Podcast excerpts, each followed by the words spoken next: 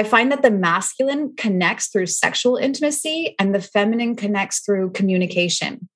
So again, I've seen relationships where it's the woman who connects through sex and the man connects through communication, but more across the board. And I've given this masterclass a couple of times. And I usually have, because I ask people, how is it that you connect? And while I connect fantastically through sex, my most and first biggest priority is through communication. We are part of creating a society of healthy, empowered, and fulfilled individuals. My name is Madeleine Mofjard, and I'm here to bring you perspective. In this week's episode, I connect with the wonderful relationship coach Justine Baruch for a conversation about intimacy, polarity, conflict, and learning to navigate the dance between the masculine and the feminine. Justine is helping men and women to better understand each other and navigating the differences and find deeper intimacy and create more fulfilling and passionate relationships. In this conversation, you will hear us talk about how men and women experience intimacy differently and also how men and women deals with conflict differently and how to navigate that we also talk about how to come back to connection after conflict and how to express your desires in a way that inspires and the difference between making a demand and, and stating a request. You will also hear us talk about learning to understand how men and women process emotions differently. And this is a conversation for you who are longing to better navigate the dance between the masculine and the feminine and as always, I find it so meaningful to hear from all of you after listening. What are your reflections, insights, or maybe even triggers that came to you while listening? I'm so looking forward to hear from you. And if you appreciate this conversation and think that more people could benefit by listening, then please help me to share this with your friends or post this on your social media and tag me. Your help and support means the world to me. Now, let's welcome Justine to the conversation. Hi, and welcome, Justine Baruch, to the Perspective podcast. Hello, it's a pleasure to be here. Thank you so much for the invitation. Mm, it's a pleasure to to have you here, Justine. It's I've been excited for this conversation for a long time, and now we're finally here, and it it feels special since it's it's Valentine's today. So it feels very aligning to talk about relationships and love. It does. I did not realize that until right now because we've tried a couple times to connect for this, and so it does feel very fitting. Oh, I love that. I'm sure it's the right timing for this conversation. Um, but before getting started, I would love to hear how how is your heart today, Justine? How is my heart today? it is full of love and because my parents are visiting there's a lot going on here with them um, you know, my partner got me my favorite flowers for Valentine's Day, even though we don't always celebrate Valentine's Day, just because we rather, you know, make a celebration of our love every day instead of one concentrated day where it's supposed to be really good. Um, but otherwise, good, feeling very alive. Mm. Mm. That's lovely to hear. and, and and where would you say that you have had your attention in life recently or even today like where does your focus go in these my days? attention in life recently um buying a plot of land with my dream view of a sunset panoramic view of a sunset and starting to make plans in that direction and just setting up my company more here in Thailand and the States. So there's a lot of like legality stuff that's been happening in the last couple of weeks. So that's what's had a lot of my attention. And then also just starting off a launch for my programs for men and women. So many things going on in this moment. Mm, lovely sounds like an exciting time where dreams come true. It, it actually is. I was reflecting because I rewrote my vision. I have a vision that I work with. And the one that I had last year, as I'm rewriting it, I'm like, oh my, oh my, that's come true. That's come true. That's come true. Like stuff that I thought was years mm, has wow. now happened. And so I'm I'm such a promoter of doing vision work. I can't believe all of the stuff that unfolded in this last year for me. And I really recommend working with a vision and just calling in what you want and not limiting yourself and what you know and you know tapping into beyond what the mind can comprehend. Wow. Yeah. Isn't it beautiful how, like, when you just tune in with what you really desire and what you long for and and state it like write it down be clear like how it, it tends to come to you in some way. And I, I, was just telling you i was just telling you before we pressed play i was sharing the story about my my relationship that that i've uh, managed to sort of manifest into my life. And and i had the same experience as you you right you told me right now that i looked back into like my old uh, my notebook where I had written down like a long list of the man that I wanted to call into my life, and and and this I think I wrote it like three years ago, and then when I wrote the list, it was like, well, this is him. I've manifested him. I called him in, and it's just so beautiful how yeah, when we get clear, we tend to get what we want. Yeah, I mean, vision work is one of the first things that I do with my clients, and in my group programs, the very first master class is all very much focused on the vision stuff because when we get clear we can call that in, you know, get clear on what we want, but also who do we need to be to call that person in? And I think that's a really important part. Or like, who do we need to be to call in our success and our abundance or whatever it is that we're trying to manifest? We got to do it from an internal place first. Exactly. Yeah. Mm. Beautiful. Oh, I love to hear that. Yeah. Mm. Lovely. And and the intention for this conversation that we're about to have is to dive into the dance between the masculine and the feminine and how we can all like I don't know, understand each other better and relate in a deeper level. But before diving into that topic, I would love to hear a little bit about your background and your story. And I think what I would love to ask you is, yeah, like what triggered you to to do this work that you're doing with men and women as a relationship coach? 30 years ago, I never would have guessed that I would have been doing this work. I was the opposite of what I am now in so many different ways. You know, I grew up as a tomboy, I had three brothers. I was hitchhiking around the world and just like this strong, independent, feminist woman. And I I feel like a turning the first turning point for me was about 20 years ago. So, you know, I, I, know the masculine feminine is really popular right now, but I got hit so hard 20 years ago. I was in a bookstore in India and I would just go into these bookstores and spend, you know, hours there just picking up a book and flipping through it. And I can still have, I still have a visual memory of that moment. Like I can feel it in my body. I was reading this book about women and there was a passage that just cut through everything inside of me and it landed deep in my heart. And it was about how this like feminist movement, this feminist liberation movement was a bit of a farce. And it was about how women are putting on pants and they're stepping into their masculine, and that this wasn't really freedom because we're stepping in our own cage and oppressing our own femininity instead of being oppressed and when I read that, I was like, oh my. And I didn't even know what the concepts of masculine and feminine really were at that point, but something landed really deep inside of me. And I was able to see this difference between fighting for equality, like between men and women, and then equally valuing the feminine and the masculine. And as I said, like before, I had no clue about even the concept of femininity. But when I realized that, I was like, ah, okay. So feminine. What is feminine? I did not have an ounce of femininity in me at that point. And I feel like often what I've seen happen is where we have to get the message kind of drilled into us, or at least I needed that message drilled into me. But I have seen, you know, when something new comes up and there's something else that happens, and a stranger says this, and then you hear a song that says that, or there's something that pops up on your screen, and it starts to come from different directions and that's what happened in that, I think it was a period of like one or two months. So I read this passage. And then a little while later, I went to an Ayurvedic doctor and he took my pulse and he was supposed to tell me that I'm Pitta Vata, whatever. and instead, he takes my pulse. he was like, You're a very masculine woman.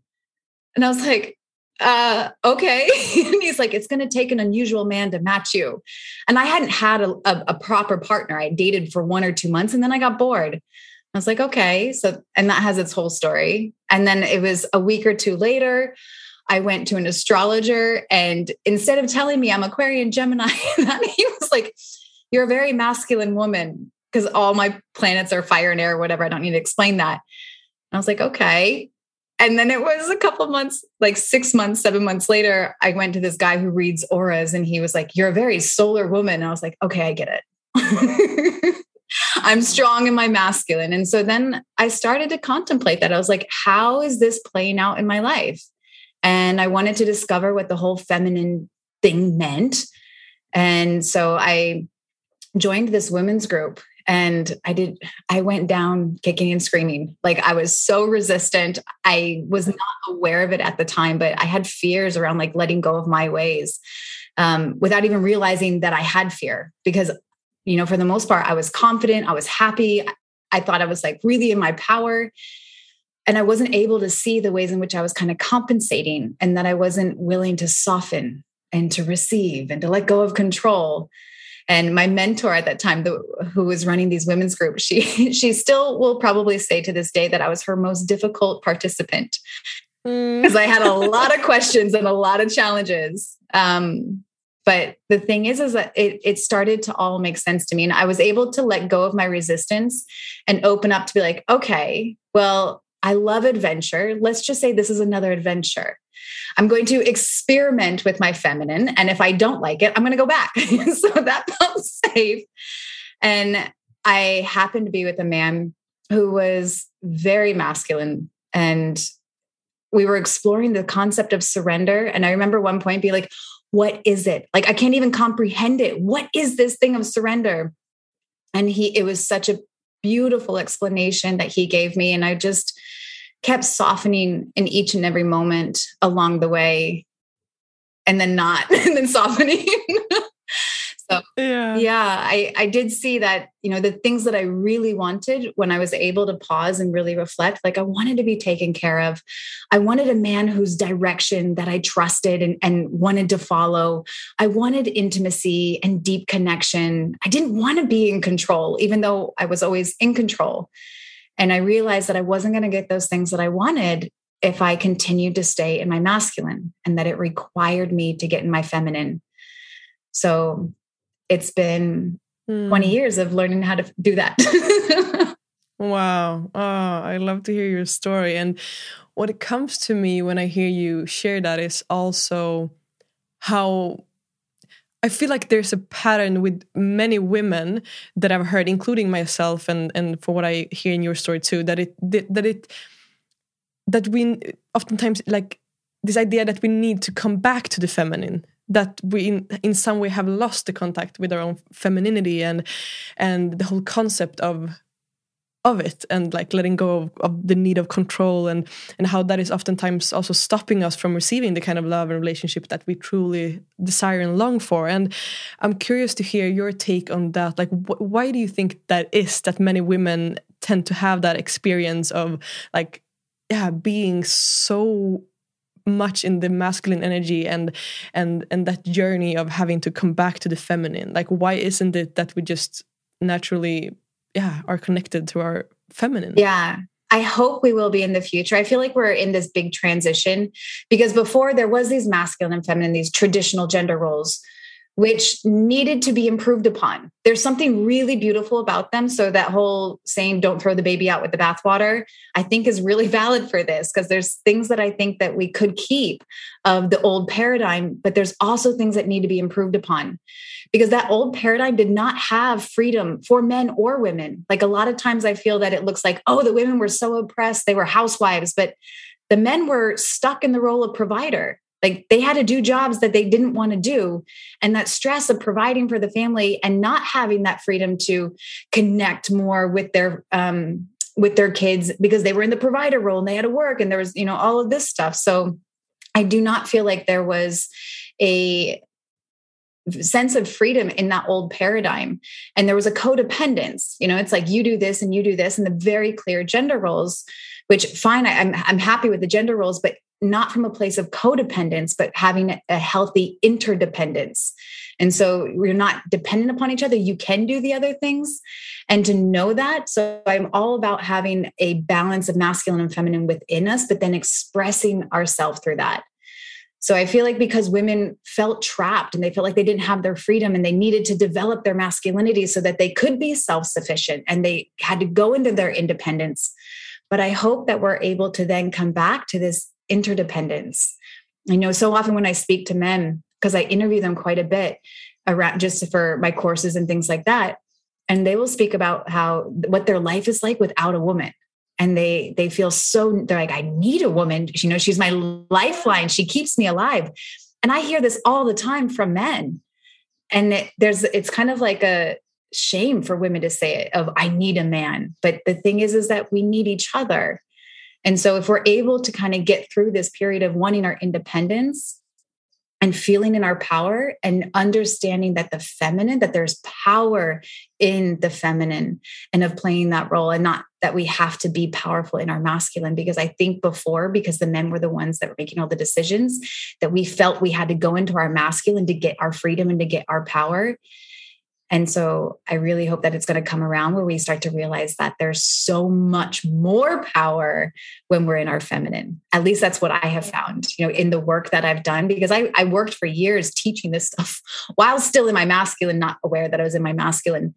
And when I shifted into my feminine, I became so much more impactful in the lectures and the workshops that I was giving. And it was a noticeable difference for my participants as well because some of them continued to take courses from me. And I had people coming up going, Justine, you've changed.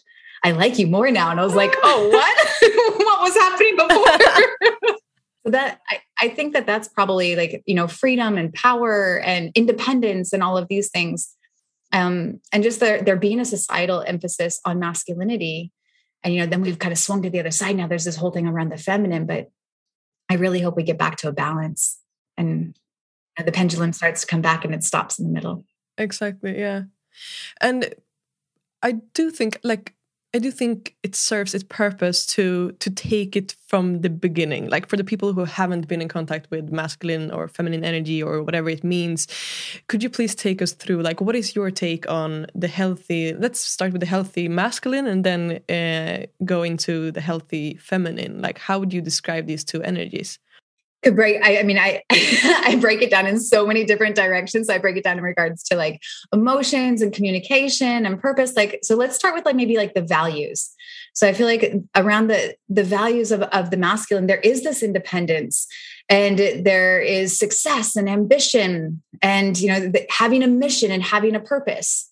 And so when we're as a woman and we're committed to our mission that's a part of our masculine that that is at play there Whereas when we're in our feminine, there's a lot more values around cooperation and connection and communication and relationship and love. So that doesn't mean to be separated in the masculine and feminine or as men and women. It's just when we're in our masculine, you know, we're on our mission. And when we're in our feminine, we're really enjoying our relationship dynamic. And we're going to play those things out differently depending upon which part of ourselves that we're accessing. And so I feel like when we're in a healthy feminine, we are patient, we're empathetic, we're sensitive, we're communicative, we're very loving, and we're very relationship oriented. And also the beauty, you know, like being able, that's also very much connected with the feminine.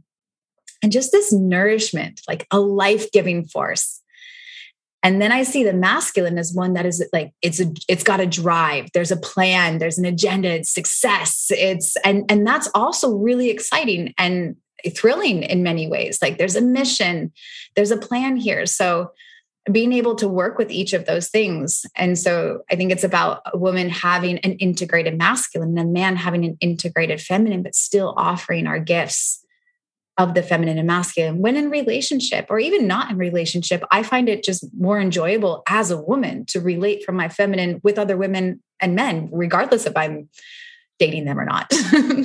Mm, yeah.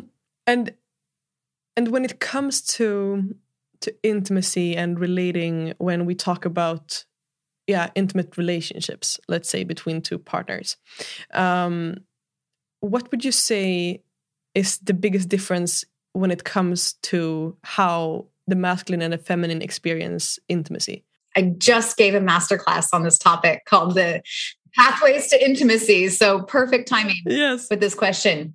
So I'm going to make some very broad generalizations here, which I, am going to speak about the masculine and refer to men and speak about the feminine in regards to women. But by no means is this across the board. I've worked with couples where it's the other way around. And so, in general, as a generalization, big disclaimer here, I find that the masculine connects through sexual intimacy and the feminine connects through communication. So again, I've seen relationships where it's the woman who connects through sex and the man connects through communication, but more across the board. And I've given this masterclass a couple of times. And I usually have, because I ask people, how is it that you connect? And while I connect fantastically through sex, my most and first biggest priority is through communication. And I have seen this played out so many times. So let's say you don't talk all day, you're busy, both at work, and then you come home, and the woman's first going to want to talk before she's open to sexual advances. And a lot of times men are getting judged for it being all about sex. But the thing is, is that women don't realize what sex is for a man. Sex is for a man what communication is for us. And I have heard and I have said like something that turns me on is a good conversation or what really lights oh, me yes. up is a good conversation like i have heard women say it makes me wet when they have a good conversation and so we even put sexual context onto communication, which I think is just so telling of how it is a very common form of intimacy or how the feminine seeks out and feels fulfilled in an intimate connection. And also, you can break it down on a hormonal level of what communication is for us. And so, when I help women to understand what that is for them and how much they're yearning for it, and then I flip that around and I give a context, I'm like, that's how your man is yearning and feeling around sexual intimacy. Because I see something playing out here where it's like communication is more okay and appropriate and should be obliged, whereas sex should never. I even had a, conver- a question once when I was giving a lecture on this where a woman asked a question and she said, Okay, so if this is how they connect and I connect through communication, does that mean I have to have sex when I don't want to? And to which I replied, I was like, Well, as long as you don't make him converse and talk and process when he doesn't want to, because quite often in relationship dynamics, that's okay. And the other one isn't. But if we can start to really understand and honor what we use and how we feel or like what we use to connect and what gives us a sense of connection. And then we can understand that for our partner. So i often tell people like don't wait till you're horny and, and you have desire to have sex because in busy times and cycles and energy levels and kids and all of that it's hard to come by. But if you will go into a conversation or you go into a sexual engagement for the sake of connection then you're so much more likely to meet each other and fulfill each other's needs. And it's it's it's interesting when I hear you talk. It's like I also get this sense of like yeah, but how how do we connect in that if we're so if we're so different right if i come home and i i have this need of communication and i happen to have a man who also loves communication so it's a good match but but i mean if we don't have that experience and we have a man who who really doesn't have the need to commu communicate in that sense. Um, and on the other hand yeah you know like how how can we connect and, and understand each other better in that way? I would say to help him to understand what communication is. So just like so he can have it in the context of what sex is for him. And then if he starts to understand the other way around of this is what communication does for her. And i also break it down on so many different levels for men to understand what communication does for a woman I'm really geeky on this stuff. Like I love talking about the hormones in our body and our brain structures. And so I will explain to men like if you want to open her up, she and turn her on, she has got to relax because most likely her cortisol levels are high. And until that comes down, she is not going to be able to be open for sex. And even if she is, she's not going to feel pleasure and have orgasms. And for that, she needs oxytocin. And the, one of the best ways to get a woman's oxytocin to go up, which will bring her cortisol levels down, is to get her to talk. And so I give men a whole format of how to get the woman talking and to listen, not solve her problems, not give advice, not mm. give their perspective because the cortisol is not going to go up. So when they understand, it's like a cost benefit analysis, you know, like if I sit here and listen, she's going to be happy. And our happiness means so much for them. They just need to know how to do it because we do not always give clear instructions. So when I break it down, like this is what it does for her, this is how it affects her hormonally and then she's going to have all of this oxytocin. So she's going to feel more desire. She's going to feel more pleasure. She's going to have bigger orgasms. And then when I explain all of the different ways, like you can also increase oxytocin by affection, but it cannot be affectionate touch with the agenda of sex because that will not produce oxytocin, which when I start to break this down and I use the science behind it, it really lands for men. And I have that like, all of this in one of my courses for men because it just I we give a lot of mixed messages. We are confusing. I completely agree with that.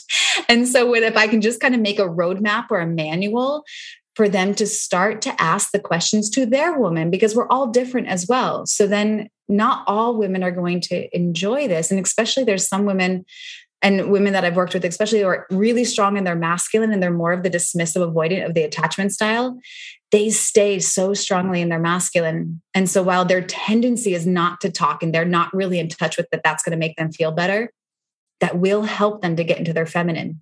So when their when their husband is like competing for the masculine role with them and she's micromanaging and controlling the house and the dinner and all of that, so get her to talk.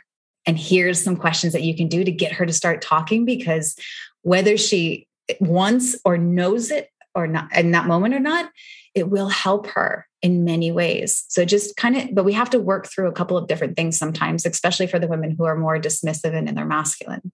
I love how you connect that into like the intention, like to explain for men, like what's the intention with this and what is it that you want to achieve? Like if your intention is to get your woman turned on, then you would definitely like benefit by doing this. And then I think it would, yeah, it connects to like the positive intention for them, like what's in it for me. And then all of a sudden it's like, oh, yeah, I can try to communicate with her. it will give me some kind of rewards. Yeah you know mm. you know both of them. And again like our happiness our happiness and our pleasure are some of the most fulfilling things for men. Like when we're happy they're happy. It does not have that reverse effect. When they're happy we do not get happy the way that they do when we are. You know this is just that providing nature of the masculine is so beautiful. And when we have pleasure and we have orgasms they feel really good. So if this is how they got to do then you know what i said before about the masculine is all about like success and accomplishment and achievement well, how do I achieve the successful orgasms? I get her to talk. I increase her oxytocin. So yeah, I break it down like this. It ends up being um, easily accepted and received. It gets the men on the mission. Yeah, mm, I love that. And and what do you see with your in your work as a relationship coach and working with men and women over many years? Do you see a certain pattern of like what we tend to do um, in our relationships between the masculine and the feminine that tends to kill the polarity and passion? Like, what are the biggest mistakes that you see with within the couples that you're working with? Everything. mm. um, I think the modern couples, there's so much role reversal happening um, so I see women like going being so strong in their masculine and and also even with good intention, like we can be very controlling and micromanaging. And by doing that, we are stepping in our masculine. And when we do that, we're going to push the man into his feminine.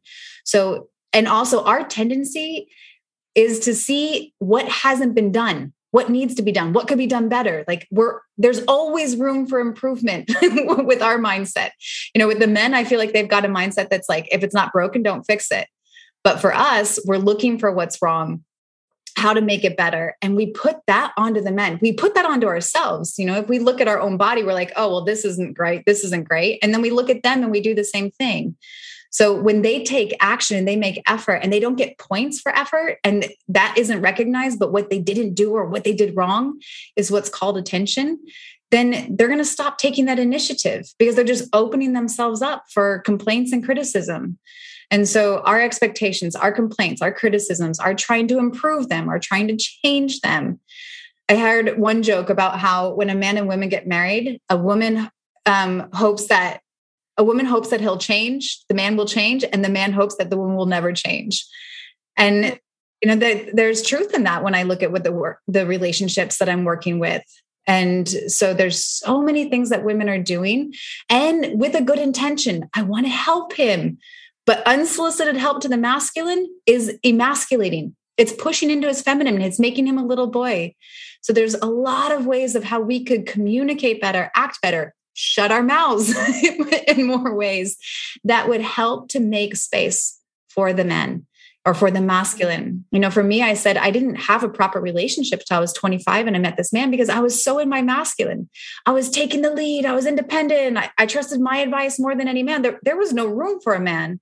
And I think that's there for a lot of women who are in their masculine. They have this idea that, oh, I want to find a man who's more masculine than me. And I had that same attitude. But the thing is, we don't.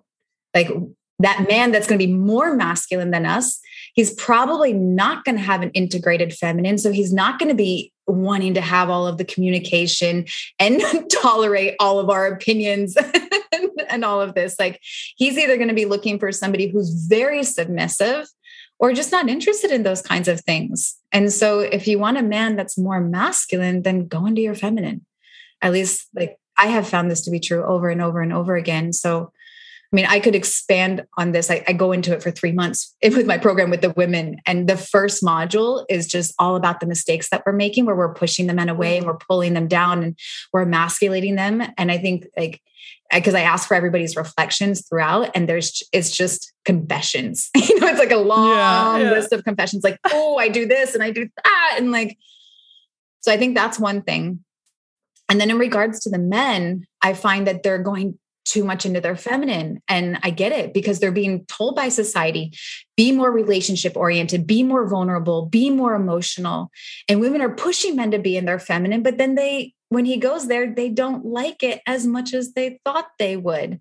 And so there is a way for a man to be able to exist or kind of express and engage in a relationship through his masculine, but with an integrated feminine. So, you know, if the man is consistently talking more than the woman, he's going to be in his feminine. He's got, and hormonally, that's producing more estrogen in his body. And so that's going to be having its impact. If he's constantly going to her with all of his problems and she's his therapist, his coach, the one he's leaning on, she's supporting him, that's him and his feminine. If he's complaining a lot, that's the same thing there. Or, you know, if when he's emotional, there's one way that the feminine deals with emotions there's another way that men deal with emotions and this is based on things that are in, of how our brain is structured as well. Now men are constantly being told to you know this is how you should process your emotions because women seem to have a hold on that better than men and there's reason for that but then the thing is is that women women therapists women moms sisters girlfriends are teaching men how to be with their emotions because of how it worked for us but they do it differently. It works differently for them. And again, I can break all that down based on emotions. So I, I think if we just can start to understand these concepts again and be able to integrate the other side, but not let it fully take over mm, us. Yes. Does that make sense? The, yeah, it makes so much sense. And I think it, it's two things that I want to break down from what, what I heard you say.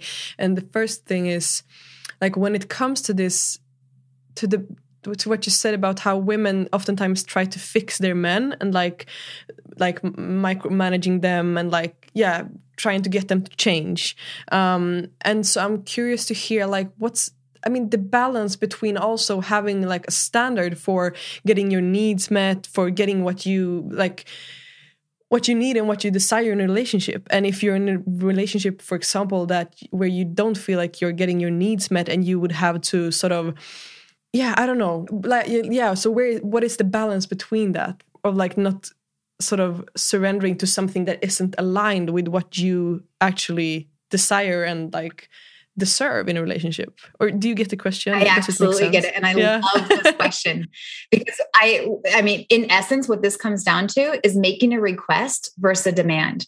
So to express your desires in a way that inspires. And first that requires women getting in touch with what it is that they really want because so often I see people asking for something, but what they want is something else. And that gets confusing because they ask for something, they get it, but it doesn't give them the satisfaction and happiness and fulfillment. And so the other, the person giving it, the man doesn't get to feel successful. So there's not this kind of reward system that's going on to continue with that kind of behavior. And so getting clear on what it is that you really want and why you want it. Like when you get this, what is it going to provide for you? And so, one of the things that I do with women is I really help them to get clear, getting clear on what you want, and then how to express it, and to express it in the form of a request. Now, a request can sound a lot like a demand. So it could be, would you be willing to do this? Or, we know, would you do this? But if there is the expectation that they have to do it, then it's a demand. If you are going to be angry, frustrated, disappointed if it doesn't happen, it's a demand. Versus if it's truly a request and you're checking in with the guy, do you want to do this? Does this work for you? Because I think sometimes what happens is we make a request and it's like, and you should want to do this because this is what a good relationship is. And having like high expectations as an anxious attached personality trait which I had and I did not realize because I thought it was like, I'm going to have a nice ideal relationship. And I had a lot of like pride around it. And I thought it was good. But then I was like, eh, let's come back more to like a, a realistic picture here. And I I had I went through this with my partner. We were nine years into a relationship, and I really wanted to have a certain quality of relationship. And it was a point of conflict for us. So I just said, you know, I don't want to push this on you. I don't want to keep begging you for this. I know that this is what I want. And so we took a two months break and I just said, I need you to feel in if you want this kind of relationship. Because if not, then I love you, but let's go our separate ways. And you find somebody that, you know, has needs that you want to fulfill. And I'm going to find somebody who wants to fulfill this need of mine. But I didn't put it on him like, you have to do this. And I didn't shame him for not wanting to do it. I was just, this is what I want. Do you want to be the one that gives it to me? And then if not, I look to get that need met elsewhere. And there's so much freedom and respect and honoring each other in that kind of formula. Mm, that yes. an answer to your question? Yes, yes, yes, definitely. Makes so much sense. And the other thing that came to me was this whole idea of how men show emotions or connect to their emotions. And how women and i've heard you talk about this in other interviews as well how many women tend to have this longing for their men to be more vulnerable and express their emotions and all of this. And then when it happens it's like oh this really turns me off. This is not what i want uh, whatever. And so i'm curious to hear your take on like what is yeah what is the masculine way to express emotions and to be in touch with emotions or like for a man yeah what is what's your take on that? I'm going to try to give the short version here because i could go into an entire weekend workshop on this topic. Like i have a, a full module for the men on how to process their emotions because i don't feel like there's a lot of guidance for men on how to do this in a masculine way so we have different systems in our brain of how we process emotions. Women will do it more through the mirror neuron system. So like we there's a lot of empathy that's naturally at play. We feel our emotions, we talk about our emotions, and all of that helps us to get through it. Like when we're having these challenging experiences and our stress levels are high and all the other stuff that's going on in our body, when we feel it, when we talk about it, when we go into it, with lucidity and clarity as well. It's not just a total chaos. Um, that's how the feminine goes. But for the masculine, if they start talking about their emotions in the midst of the emotions, their estrogen is going to increase. And what they need in that moment is testosterone. Because for us, oxytocin brings our cortisol down, our stress hormone. For men, testosterone going up is what brings the cortisol levels down. So a man is going to need to go into his cave or do something productive. Like I was interviewing one man and he's like, when I'm moody, I just need to go into the workspace and make some money and then I feel better. And like, while there's some emotional processing that could go along with it, that is what he's doing. I was like, that's brilliant. You're producing testosterone, it lowers your cortisol, and then the clarity. And so I really encourage women when the man is upset, because so often they're saying, just talk about it, you're going to feel better. No, he's not. That's how you work. For him, he needs to go into his cave, calm down, get clarity, and then have him come and talk about it afterwards, after he's got that clarity to come and share it and be vulnerable in that place, not when he's in the midst of his emotions and there's a lot of confusion. And while I said the women will feel it and they experience theirs through empathy in the mirror neuron system, Men have a different process in their brain. They have the mirror neuron system as well, but they've got this thing called the TPJ, the temporal parietal junction system, something like that. And theirs is more, they're going to go into analyzing it. So they're going to go into problem solving mode. That's how their brain is built. And if we can understand that, then we can stop getting frustrated with the guys for they're always trying to problem solve. It's just how they process emotions in a different way. So I do work with men getting in touch with the emotions, building their emotional vocabulary, feeling it in the body from a mindfulness place. and that that's how they solve their emotions and they do some deep healing because i do think the somatic body work is really important for everybody but it's just done in a different way and so for a man to be able to come and express his vulnerability from a place of composure and clarity. And that if he really needs that support, I recommend that he goes to a friend, he goes to his brother or his dad, he goes to a therapist and, and gets that kind of support. And uh, occasionally, yes, with his woman, but I wouldn't recommend that consistently because while the woman wants his vulnerability, when it comes and she's in the supporting role, that's producing vasopressin in her, which is one of the main male hormones, and it's producing oxytocin in him. So hormonally, she's in her masculine, he's in her feminine. And if that continues, then you're going to be stuck in this kind of reverse polarity. And then, you know, she's in her masculine, he's in her feminine. It's diminishing her attraction for him. And then she feels really guilty about that because oh i you know i would like to be able to support him in this space but this is just what's happening inside of her and so if both can understand this and find, you know, healthy ways that really nourish each other individually as well as their relationship, I think it can be really good. But I do think it's important for men when they come out of the cave to share with their women because they want to hear his inner world. They want to hear his vulnerability. They want to be a part of all of that.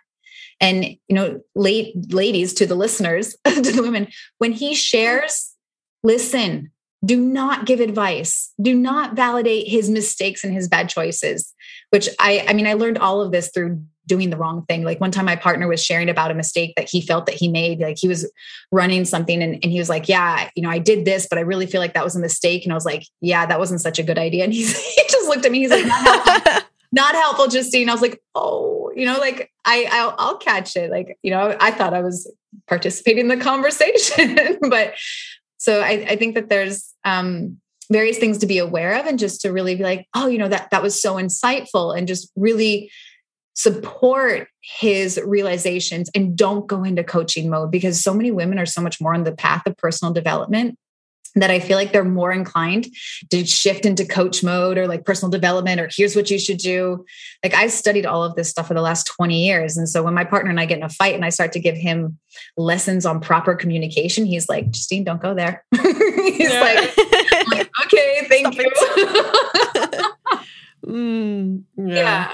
It, it makes so much sense. I'm I'm I'm reflecting back into my own relationship and how I when I when I deal with emotions, I really have a deep need to be seen and heard and understood and and to just share my emotions and to talk about them while I'm feeling them. Um, and then of course one part of it is to sit with emotions myself, but also yeah the need to express them um, in the moment, and then how my partner is yeah he's he's very in touch with his, his emotions but it's more of like him needing as you mentioned to be in his cave with it. And then when we meet again then that's the timing for him to share. And so it it makes so much sense what you're sharing when it comes yeah. to yeah. And you know like when we have a problem if we can just talk it as we're talking it all out probably we're going to come to the solution just by that. So if a man if we're upset and the man can just get us talking about it or you know anybody can get us talking about it we will usually get to our own conclusion there. We'll get to our own clarity. Whereas, like, my partner's struggling, like, okay, do you want to talk about it? He's like, nope, not until I have clarity. Cause he's like, all right, he he had a challenging day. And I'm like, oh, what happened? He's like, I do not want to call up all of my problems right now. He's like, because then I have to look at them and I have to like solve they they call up problems to solve them. We call up problems just to talk about them and, and we connect through them and we process and we do stress around that.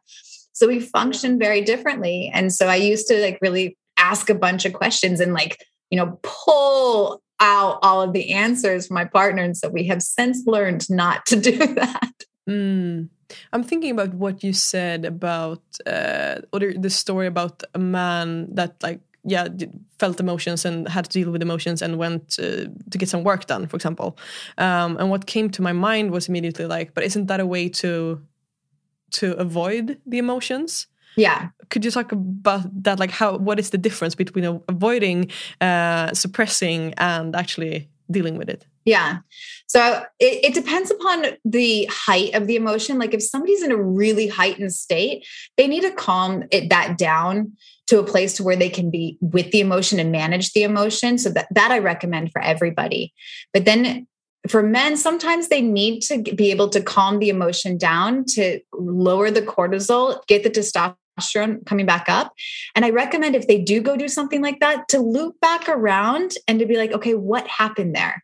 So I teach both men and women to go back into it and to to kind of trace the trigger. What is it that I got upset about? What did it do inside of me? So there's many layers to our emotions.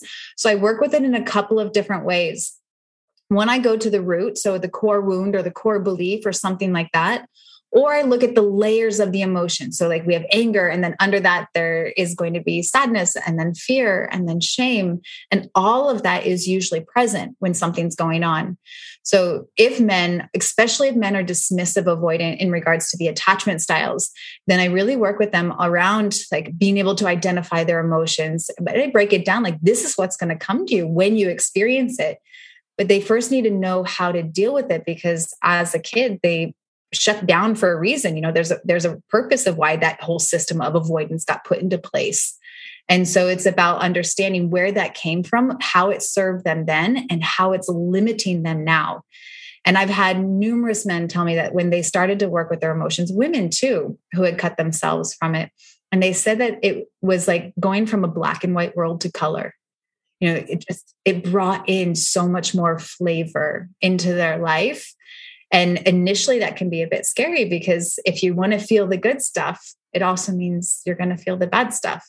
Because when you cut the bad stuff you're also cutting the good stuff. So as i start to really explain where it came from the impact that it's having on their life and then here's how you can work with it then it, it makes it so much more um, desirable and doable. So I, am very I, I, I like really breaking things down. I'm very practical when I when I talk about stuff. So while while I've spent many years of my life in spirituality and in meditation and all of that, I never got too lost in the woo woo, at least according to my opinion. So I'm like, mm. now how does this apply? Like, why do I want to have a, a, great meditation in a transcendent state, or why do I want this? And so, really bringing it into the practical daily life stuff is a huge part of my work that I do with my clients and in my programs. Mm, love it, uh, and I think that that aligns with a lot of people who have the need for the woo woo and the things that we cannot see but feel and also like yeah how does it work? How does it make sense?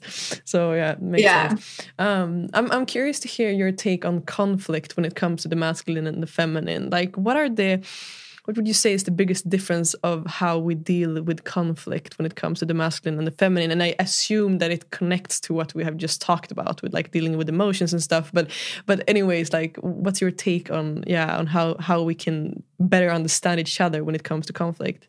Yeah yeah, I mean, and I love how you're catching on. You're like, yeah, it's got a lot to do around emotions and how we deal with our emotions, because that's where I was going to go. I'm going to break this down into in regards masculine and feminine, but this also fits what I'm saying for somebody who's dismissive, avoidant, and somebody who's anxious attached. I would say that some of the two biggest tools that I use are you know theories or whatever you want to call it in what i do is masculine and feminine dynamics and attachment style. There's so much good stuff in attachment style. So i just want to kind of put that in there because if there's a man and he's anxious then he might act in in another way. But we talked about how when a woman's really emotional she wants to talk she wants to process. And when a man's really emotional he's going to want to take space and you know an anxious attached person is going to want contact and a dismissive avoidant person is going to want space and so what would happen i'll give just share from my own relationship I would really need contact. And sometimes I would even like cross my partner's boundary. He's like, I need space. And then, you know, I keep walking after him or I keep messaging him or, or stuff like that. And he really needs space. And so it's about respecting each other's needs. And so what we would do is then I give him his space and he knows that I want contact as soon as possible. And so as soon as he's ready, he comes and makes contact with me. And that was a way that we both take took care of each other. And through that, we were able to really help each other heal my anxious tendencies, his dismissive tendencies, and move more into a secure attachment of really being able and so uh, and it helped because then when you know if we get into a fight now i can hold myself. I don't need to have it resolved. I don't have a fear of abandonment coming up. I know that we're going to make it through. And you know he takes his space and then he's able to come and and we, and we take care of each other in this way So, something that I do with men or anybody who really needs to take that space to learn how to do it in a connected way. And I have a short YouTube video on this as well, which can just say, you know, right now I'm not able to be the kind of person I want to be for you, or I'm not able to be the man I want to be if we continue this masculine and feminine dynamic.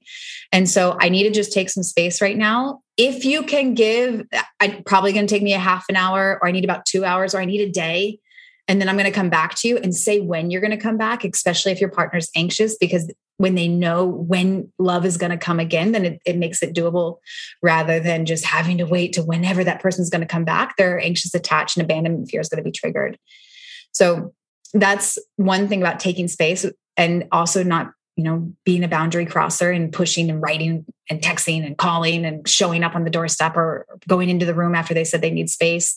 So, starting to be able to really honor each other and take care of each other. Remember, you love this person. And so, wanting to do that, I think, is a really important part in this. And, and also understand so, I can process for hours. you know, I don't I don't usually shut down, but I do notice that my partner has a limit. Like he'll start to check out. And so he's like, all right, hun, I, have reached my limit. And so then we'll pause it then, you know, and I, I do know that early on in a relationship, I we would go for hours, you know, and that's not helpful. It's not productive. And I'm all about efficiency. So he says, we need, let's just pause this for now. And then we pick it up again the next time that we've got space for it. And this is more what you can do when you move into secure attached. You can be there for each other and you can give space to each other as well so that that's that's one bit of what i have to say about the mm-hmm. masculine how the masculine and fem- feminine can handle conflict but again anxious and dismissive. So these things kind of get muddled mm. in together there. Yes. Mm, i love it. I love it how you how you put it in like the way of being very clear and specific of like as a masculine that I, I will be back and when i will be back. Some something that i'm wondering is also like do you have any tools or practices or whatever that maybe you yourself use in your relationship to come back to connection after a conflict or after disconnection in some way? Oh, yeah. I mean, I, I think of putting a whole workshop together on this, but I'll, I'll kind yes. of outline some of my my top favorite ones, I guess. Um, one, if possible, now this is not always possible. This is just trying to maintain connection, or when you come, if you take space to come back, so there's a couple things here. I'm going to start with the small stuff and I'm going to go to like the more important, like main key thing that I think is really important. If you can have physical contact and connection, I think that's such a beautiful tool to bring more connection. Now, sometimes we're so pissed and angry and closed down that we do not want to be touched. So if you do not, then honor that. If you can access that you love your partner and you want to have that connection and making connection the priority so when I'm, I mean, my partner and I have a lot of different opinions. Like we're, we're quite different. We have very different opinions on a lot of things. Um, and so if we make connection the priority instead of being right, then we're going to go into that conversation differently. So sometimes I recommend couples to say, okay, the intention of this conversation is connection and to state it out loud. So it's a kind of container that holds the couple. And I find that to be really beneficial. Keeping contact can be helpful because when you're touching somebody, you're within arm's length you're not likely to start yelling at them when you've got their your hand on their arm or their leg so it kind of holds the softer container as well and then the other big one is accountability. And so instead of getting into the blame game, this is what you did, this is what you did, this is what you didn't do, you also did that, and just kind of getting into this battle where my partner, I, the thing that's the most powerful is coming from a place of accountability. So it's like, okay, here's what I did, here's what I can be accountable for. Here's what I wish I would have done differently. And then even being like, when if if he's given me feedback that I did something that you know upset him, then I can say what would have been a better way to say that or how could I have approached you better in that situation? And he gives me such good insight stuff that maybe I couldn't maybe let's give him full credit stuff that I did not have clarity around and couldn't have come up with. He gave me such good insight into that. And so this is something that I use a lot with my in my couples coaching. I'm like, well, what would you have preferred to have said? So to really start to ask your partner for that so having a that kind of accountability approach, I think is so powerful. And sometimes if my partner and I are in it and, and we've forgotten that, but one of us has a moment of clarity where we like come back to consciousness, like, okay, wait a minute. and I'll, I'll just say I'll put, I need I need five minutes because right now I'm really stuck in the story that it's all about you. I need a couple moments to find me in this, and, yeah. and sometimes you know I have to get there. But my partner knows that sometimes for me to be able to get there, the most efficient way is for me to be able to talk it out. And so sometimes when he comes to make connection after we've had a fight, and I'll say, like, you know, right now I'm still I call it, I'm still stuck on the second floor because I call it, I think this is something from John Gray, who I did my um, coaching training under, the Mars, the author of the Mars Venus books. And he said, all of our happy memories are on the first floor. And I just have a visualization of this. And then all of the memories of like what your partner did wrong and what they've done bad, all of that is on the second floor. And sometimes the first floor gets flooded and you're stuck on the second floor and you have no access to the good memories. So when I'm there, I'll tell my partner, I am on the second floor. I think this is all about you. I know I've got a part in this. I just don't see it yet. And so then I've taken accountability for my mindset that I know is a temporary state. And he's like, okay, let's hear it. So then he is prepared. I prepare him, and then he has a choice to take on the challenge and like fight the dragon in a way, you know? Yes. And he holds space for me. And so then he knows to just be more detached because I just need to get it out. And this is something uh, also in regards to how men and women deal with conflict differently. Again, there, there's so many different places I could go into with this, but one is if women can just talk it out and get their problems out and get their complaints about the man out, and he just listens and he doesn't get defensive and he doesn't take it too personally. And he's just like, oh, yeah, okay, okay, okay. And he listens and she feels heard. That could solve the entire problem, or it will solve 80% of the problem but it's really hard to do that. It's hard to empathize when you're being criticized and complained at you know like so that's a really difficult ask of a man. So i so appreciate it when my partner offers to do that. And i i know the kind of strength and detachment that it takes for him to hold space for me like that. And i really appreciate it. And i usually thank him many times after of just being able to hold me in that way. And I do my best of taking accountability for where, where I'm at and letting go of those things as soon as I'm ready to and not kind of holding on to for, for manipulation. Mm. But I love what you say about like leaving the idea of right and wrong and like finding you did this or I did that or whatever. And like oftentimes there isn't even a need for a solution it's just the need of of expressing or whatever yeah so it's, it's a beautiful reminder yeah yeah, empathy. Mm. You know, empathy, yeah. like we don't know what empathy really is. I thought I did. And I, I was like 10 years into this path and teaching these things. And I had somebody reflect to me that I needed to learn empathy, which they were right. I was very humbled in that moment. But the more that we can learn empathy, that that's usually all that's needed. That that's most of the work right there. But it is hard to empathize in those moments. So this is one of the most important tools that I think anybody can learn is empathy. You're you're you're a powerhouse for every kind of connection. And and just in life in general when you can empathize. But honestly, I, I think very few people know how to sincerely do it. The amount of times that I have had to like give a textbook lecture on empathy to clients and tell them this is what it is, this is wasn't what it isn't, this is how you do it. It is not a think people think they do it, but they don't. Yeah.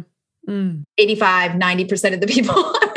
yeah. That's going to be yeah, my exactly. estimate. And I was definitely yeah. one of them. As I said, I was I was incredibly humbled in a certain moment around my inability to empathize when I thought I could. Mm, I love where we're going with this conversation. There's so many juicy stuff that I, I want to dive into. And I think before leaving you and letting you go here, I would love to to hear your take on on anger and frustration and irritation and these emotions that can come up in in a conflict or yeah in a relationship in some way. And i'm i'm i'm navigating this right now myself in in my relationship and like what is a healthy way to really express anger? Um and like the balance between not suppressing anger but then also not projecting something that is my stuff on my partner and you know that whole dance. Mm-hmm. um so do you have any any yeah reflections on that question? Yes. Again hours. I love i love talking about anger. It's such a power emotion but also there's so much softness underneath it.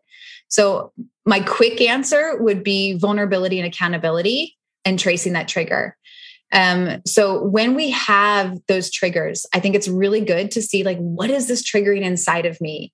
Now, when I ask people this, usually the first seven times I ask the question, I get another story about the person. Well, they did this, it's this, and I want that. But no, there's something deeper inside of us. So if we have this core wound or this core belief or this defensiveness, this not good enough inside of us, we're getting triggered. And then if we can take accountability for our triggers, that is huge. So always looking at ourselves. And a really big tool that I use is the work of Byron Katie because it helps us to turn it around to ourselves. So to do our work first to find out what's really going on is, I think, really important. And then the other thing is the vulnerability. So anger is our protection emotion. It's it comes up when something needs to be restored um, there's the, the, work of Karla McLaren. She's done brilliant work around anger. In her book, Language of Emotions, there's a chapter, it's 30 pages, some of the most brilliant work on anger that I've read. And it's about, you know, the anger is coming up because a boundary needs to be set, a request needs to be made, something needs to be restored or protected. So get in touch with what that is. And so then express that from a vulnerable place. We've got layers of emotions. Anger is the one that's on top. You know, it's the guardian. But under that, there's sadness. So what is it that you're sad about? And then under that, there's fear. So you're going to be sad about something. There's going to be fear around it as well. And there's going to be shame. So if you can find out those layers, and then when you come to your partner, having done your work from a vulnerable standpoint, especially when you're a woman, you know, to really approach from that vulnerability is going to make it so that he can empathize with you the way that you want and validate and support you instead of defending. So in one of my programs, I have a, a, a, module called Make Him Your Ally, Not Your Enemy. And I speak around the ways that we like put him as the enemy. We put him on the defense when really we just want to be supported by him. And so when we can learn to really understand our anger and channel it instead of suppress it or express it, but understand that we have a third option here and that it is the source of so much power and not power over somebody, but power within ourselves then it becomes such a healthy emotion. It is so important to have a healthy relationship with your anger because that is where our sense of self comes from. That's where our justice comes from, for what is right. So that's one way. And then in regards like if you're frustrated and you're irritated, I recommend that people look for the good intention. What was the good intention behind that? If they had a good reason for doing that, what would it have been? Now, sometimes it's going to be to avoid their pain. So it might take you into having compassion for them. Or they were really stressed out and they were just trying to cope and they were forgetful. Or, you know, th- there's a lot of stuff that happens in regards to the frustrations and the irritations that I find has a lot to do with our differences and misinterpreting the other one's actions. Because if we did that, it would mean this. But they're completely different. They do that, and it does not mean the same thing as if we did it. So look for the good intention and try to understand them. And if you can't find it, ask them because they're different than you. And so they might teach you something about them that you didn't know because they're different. So yeah. that's that that's I, in, yeah. in, in summary. mm. Yeah, it makes so much sense. And I also notice a reflection in me about how like we all have such different challenges when it comes to emotions. And for me, I feel like I have I've, I've practiced so much like be becoming my my own best observer. Uh, like i i have this like superb tendency to see people's positive intention intentions and I'm I'm proud of that and I'm thankful for that ability.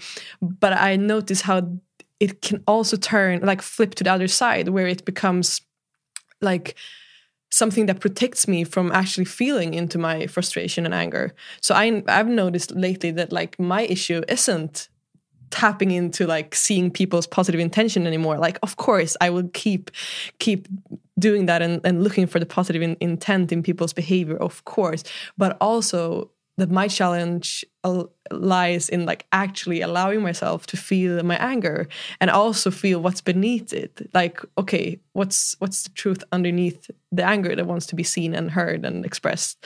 So it's interesting also how like yeah we can all have so different challenges when it comes to our different emotions. And for some people it's happiness. Like how do i allow myself to feel happiness? And for me it's anger. How do i allow allow myself to feel that even? Yeah. Um so it's so interesting. It's like an ocean of things to explore when it comes to emotions. Yeah, I and you know with with what you're talking about, often I think it's around boundaries, like and need. Mm. What are my needs and what are my boundaries and what do I want? So really taking yourself into consideration and giving yourself permission for all of that to be okay. Because sometimes what happens is women or anxious attached have a tendency to make put the other person first and not take themselves into consideration. And that's where anger is really helpful. And I'm talking about a healthy sense of anger. It doesn't need to be the mood state of anger where we're like, oh, you know, but it's having that healthy sense of anger is like, no, that doesn't work for me. And initially we needed anger to be like, no, that's not okay. But we absolutely can get to the place to where it's like, thank you and no.